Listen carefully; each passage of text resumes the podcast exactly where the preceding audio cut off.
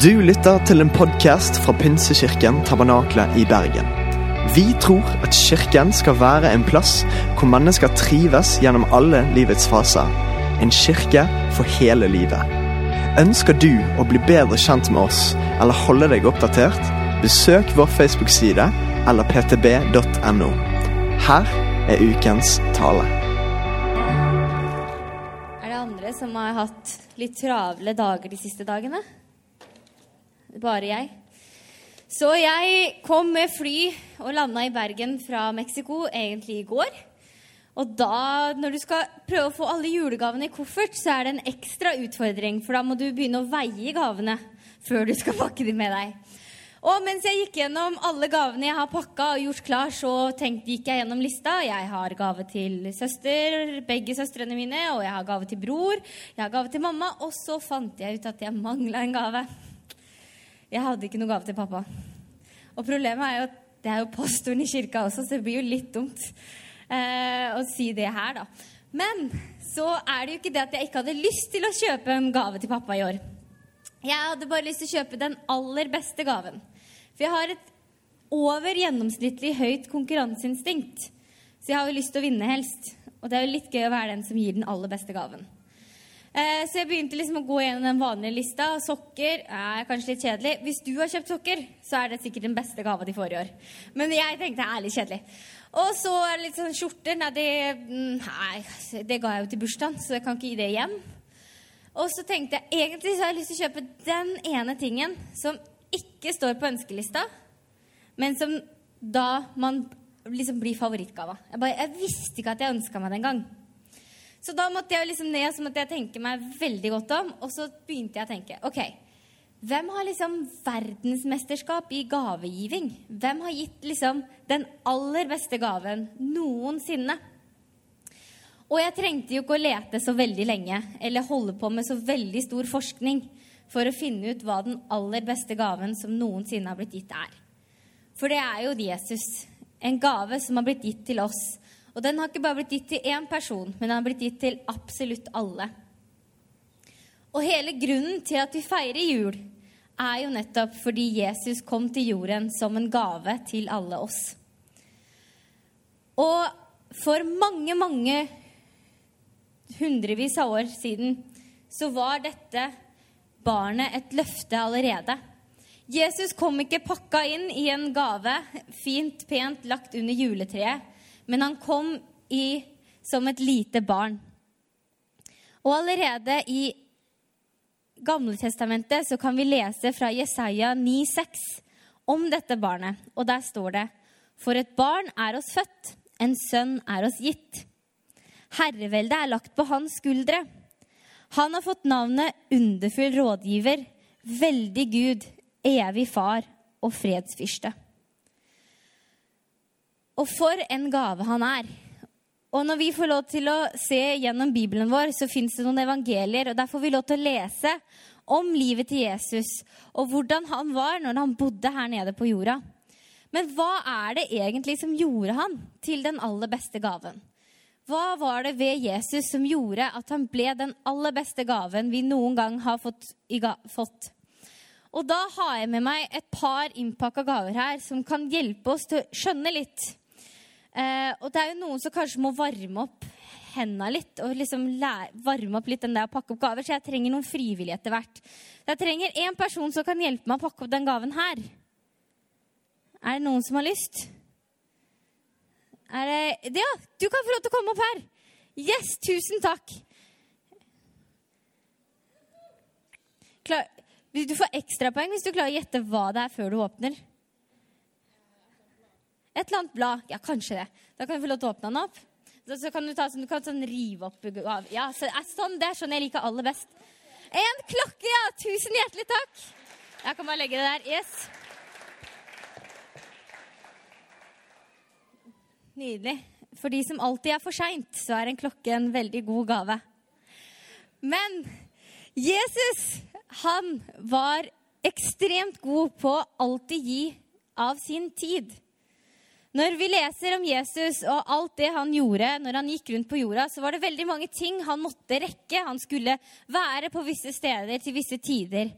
Men uansett hvor han var, eller hvor han var på vei, hvis det var noen på veien som trengte han, så ga han alltid av sin tid til å være til stede der for de som trengte han mest, og lytte når folk hadde noe de måtte fortelle.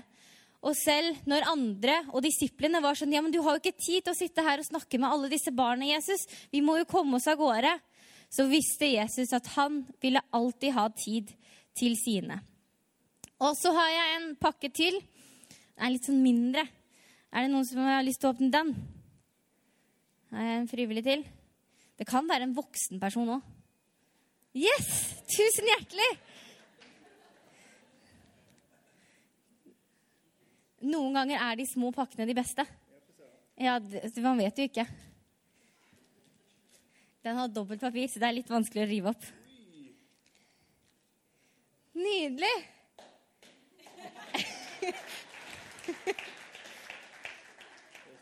Ja, nesten. En blomst! Hva kan en blomst bety for noe? Dette var mitt, min beste idé, eller egentlig så fikk jeg andre til å gi meg ideen, på hvordan jeg kan forklare oppmuntring. For ofte hvis man gir blomster til noen, så er det jo for å oppmuntre. Og ved ganske flere anledninger så gir man kanskje blomster som en oppmuntring. Men når Jesus gikk rundt på jorda, så var det en annen ting han også gjorde. Han ga tid, men når han var med mennesker, så oppmuntret han dem. Han sørget for at de følte seg både sett og hørt. Og det var en mann som en gang satt ved veien og ropte etter Jesus. Eh, og folk ba han om å være stille, men Jesus gjorde ikke det. Jesus stoppet oss. Han tok seg tid. Og så oppmuntret han denne mannen som det han ville mer enn noen, noe annet, var å kunne få synet tilbake. Og Jesus fikk muligheten til å helbrede han, så han fikk se. Men ikke bare det. Han ga han også muligheten til å få lov til å skjønne at den beste gaven var å få lov til å være en etterfølger av Jesus. Det var også en dame som en dag var ute ved en brønn, og hun skulle hente litt vann. Hun var ute midt på dagen, for hun skamma seg så over det livet hun levde, at hun ville ikke at noen skulle se henne. Men Jesus så henne, og de fikk lov til å ha en samtale sammen. Og Jesus fikk lov til å fortelle henne alt som var sant, men samtidig ikke bare si 'jeg vet hva du har gjort', men han fikk lov til å oppmuntre henne og gi henne håp. Og med dette så var, mista denne damen skammen, og hun fikk lov til å løpe inn i byen og fordele med alle menneskene i byen om 'Jeg har møtt en mann som fortalte alt om meg', men han har også gitt meg muligheten til å følge han. Og gjennom hele evangeliene, alle evangeliene, så kan vi lese om mennesker som at når de møter Jesus, så blir de oppmuntra. Og så har jeg en siste gave her. Yes, det er foran Tina. Skal du hjelpe meg? Det må også rives opp, tror jeg. Liksom bare sånn full Ja. Det er også dobbelt papir. Jeg er veldig glad i papir. Nydelig.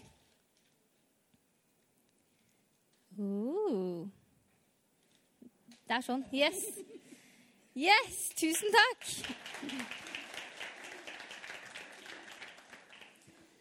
Her har vi da et hjerte, og som et symbol på kjærlighet. Og Jesus viste oss den aller største kjærligheten.